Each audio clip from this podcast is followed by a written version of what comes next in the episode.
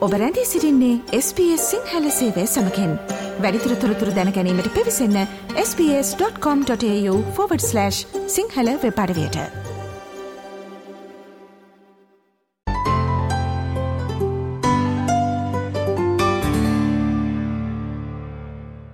ළමුන්ගේ මුල්ලවදිය තුළදීම ඔවුන්ව චයිල්කයා වෙත යොමු කිරීමට තීරණය කිරීම ඔබේ ළමයාට සහ ඔබේ වෘතියට ප්‍රයෝජනවත් විය හැකි.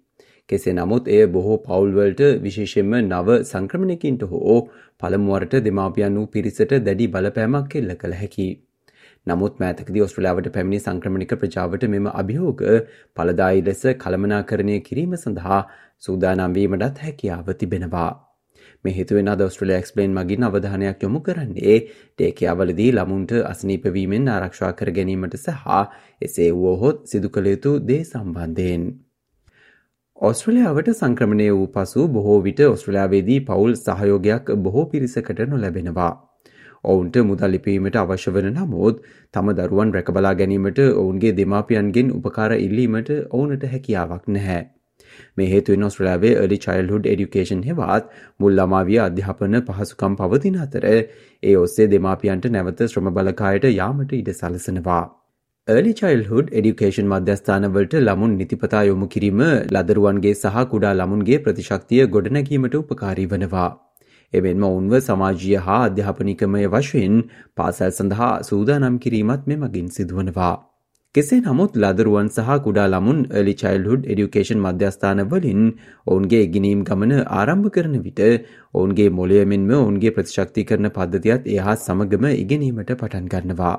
සාමාන්‍යයෙන් බග්ස් ලෙස හඳුන්වන ආසාධන ගෙනන ක්ෂුද්‍රජීවින්ට ළමුන් නිරාවරණය වීම මීට ප්‍රධානතම හේතුවයි.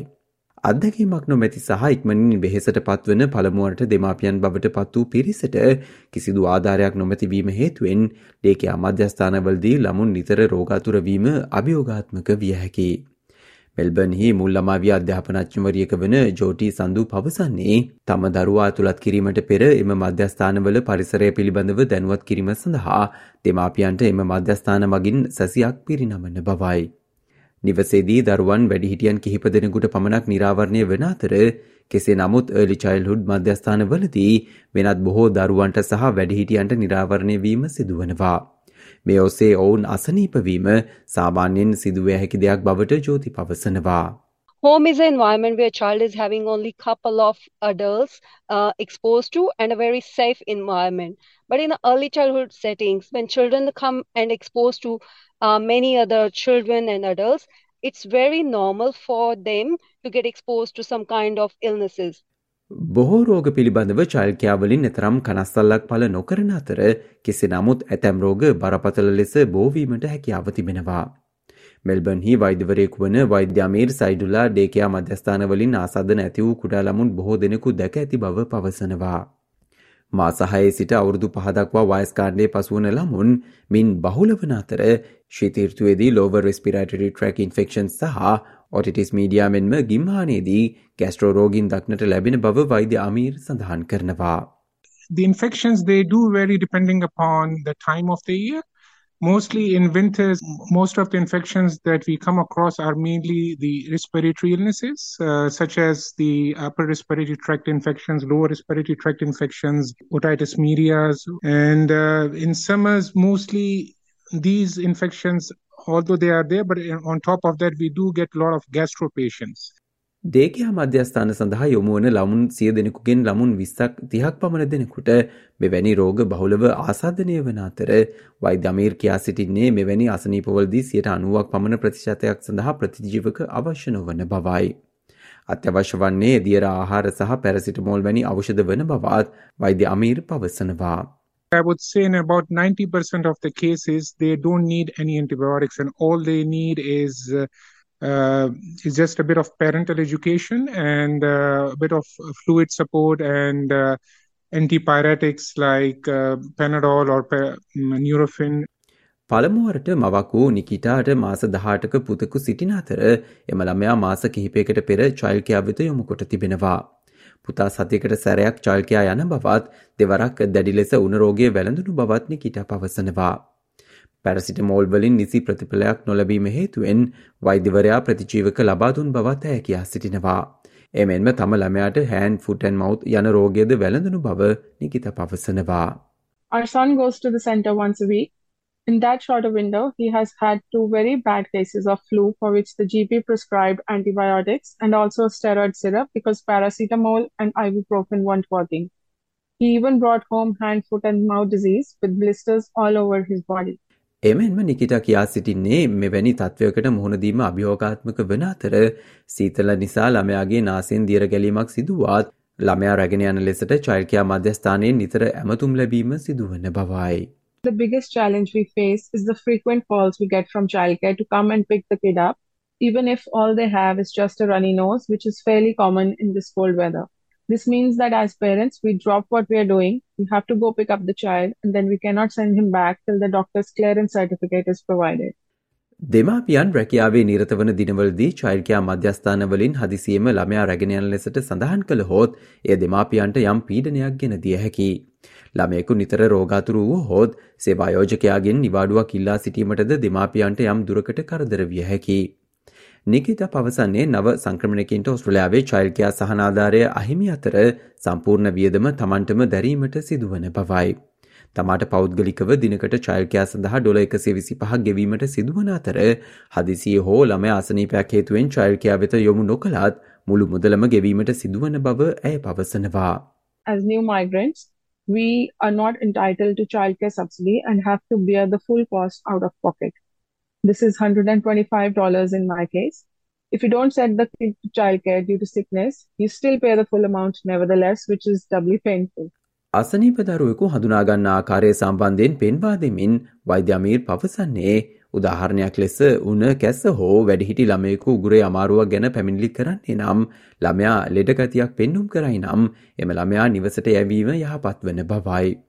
නමුත් ළමයෙකුගේ රනිනෝ සෙවත් නහයෙන් දියර ගැලීමක් මත එම ළමයා නිවසට යොමු කිරීම අනුමත නොකරන බව වෛද්‍ය අමීර්කයා සිටිනවා. Just with a runny nose, I don't think it's it's reasonable to send the child home. If there are other signs of infection that are there, for example, if the child has fever, if the child has cough, uh, if the child, if it's an older child and they are complaining of a sore throat, and visibly if the child is uh, like if he doesn't look too good, I think in that case, uh, I would support that the child should be sent back home. පවුල් වෛද්‍යවරුන් සොයා බැලිය යුතු ආසාධනයේ අවදානම් ලකුණු පිළිබඳව ඔහු පවසන්නේ ළමයෙකුගේ සෙල්ස් සංචක තිස්නවයත් හතලිහක් පමණ ඉහළ උෂ්ණත්වය නාසෙන් දියර ගැලීම පාචනය වමනය හෝ නව කුෂ්ට සමඟ ලබාගන්නා දියර ප්‍රමාණය අඩු කිරීම ප්‍රධාන වන බවයි. මුල් ළමාවිය අධ්‍යාපනඥවරක වන ජෝති පවසන්නේ අසනීප දරුවෙකු නිවසේ සිටීම වැදගත් වෙන බවයි. දෙමාපියන්ට මේ හේතුවෙන් නිවාඩු ලබා ගැනීමට සිදුවන අතර කෙසේ නමුත් එය ළමයාගේ යහපතට හේතුවන බව චෝටි කියා සිටිනවා. It is going to help the child and it is in the best interest of the child. Otherwise, it is going to be a stage where, you know, if child is very, very sick, then the parent has to take the child to the hospital or getting a child hospitalized. Then this recovery is going to take longer. රෝගිලමයෙකු චෛල්කයා මධ්‍යස්ථානයකින් බැහැර කිරීම ඔවුන්ගේ ආරක්ෂාව යටතේ සිටින සෙසු දරුවන් කෙරෙහි ඔවුන් දක්වන වගකීම මත පදනම් වන බව ඇය වැඩිදුරටත් පවසනවා. උන හෝ ආමාශාශ්‍රිත රෝගයකින් පෙළෙන දරුවෙකුගෙන් ආරක්ෂිත දුරක් තබා ගැනීම සහ නිතර අත්සේදීම සිදු කළ යුතු බවට උපදෙස් ලබා දෙනවා. ළමුත්ත යහපත් පෝෂණයක් ලබාදීම සහ නියමිත ලෙස එන්නත් ලබාදීම සිදු කළ යුතු බව වෛද්‍ය අමීර් පවසනවා. බොහෝ ළමුන් නියමිත ආහාර ලබා නොගැනීම හේතුවෙන් යකඩ විටමින් ඩී වැනි පෝෂණ ඌනතාවලින් පීඩා විඳින අතර ඔවුන්ගේ පෝෂ පදාර්ථ පෙති හෝ දීරාකාරයෙන් පරිපූර්ණය කිරීමෙන් ඔවුන්ගේ ප්‍රතිශක්තිය ඉහළ නංවන බව වෛද්‍ය අමීර් පවසනවා. Most of the times these kids are fussy eaters. So they are bound to suffer from nutritional deficiencies like iron deficiency, vitamin D deficiency. So having these uh, nutrients uh, supplemented in the form of either a tablet or a liquid uh, um, that would boost up their immunity and further reduces their chances of uh, acquiring these infections. ළමුන්ට ලබා දෙන එන්නත් මගිනුත් ඔවුන්ට ආරක්ෂාව සපයන අතර ඔස්ට්‍රලාවේ බොහෝ චයිල්හුඩ් education මධ්‍යස්ථාන මගින් ඔස්ට්‍රලයානු රජයේ එන්නත් අනුමත කරනවා. මේ අතර ඇතැම් දෙමාපියන් ළමුන්ට ප්‍රතිශක්තිකරණය ලබා නොදීමටත් තීරණය කරනවා.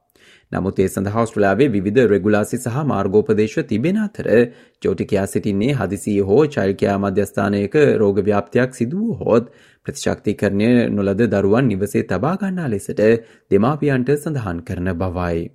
some parents opt not to get their child immunized, then we have a different regulation and guidelines around that. For example, if there is a breakout in the childcare service, uh, there's a gastro um, going on, then we do recommend those children who are non immunized. Parents can keep them home because they don't have that immunity.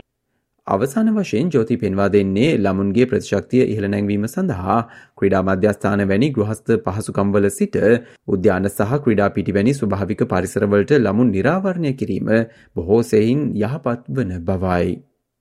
අද මෙ මොස්ලෑක්ස්පේන් ගුවන් විදිලි විශේෂාන්ගෙන් අපි ඔබ වෙතිගෙන තොරතුරු කියවා දැනගැනීමට හැකිවන පරිදි වෙබ්ලිපියාකාකාරයට දැන්ටමත් අපගේ වෙබ්බට විය පලකොට තිබෙනවා. ඒ සඳහා www.sbs.com.tu/ සිංහලන අපගේ වෙබ් අඩවියට පිවිස එහි ඉහලින් නැති ඔස්ට්‍රලයා එක්ස්පලේන් යන කොටසට පිවිසන්න.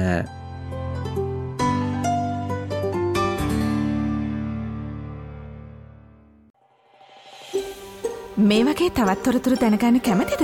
එහමනම් Apple podcast Google podcast Spotify ඔබගේ පොඩ්කාස්ට ලබාගන්න ඕනෑ මමාතයකින් අපට සවන්දය හැකේ.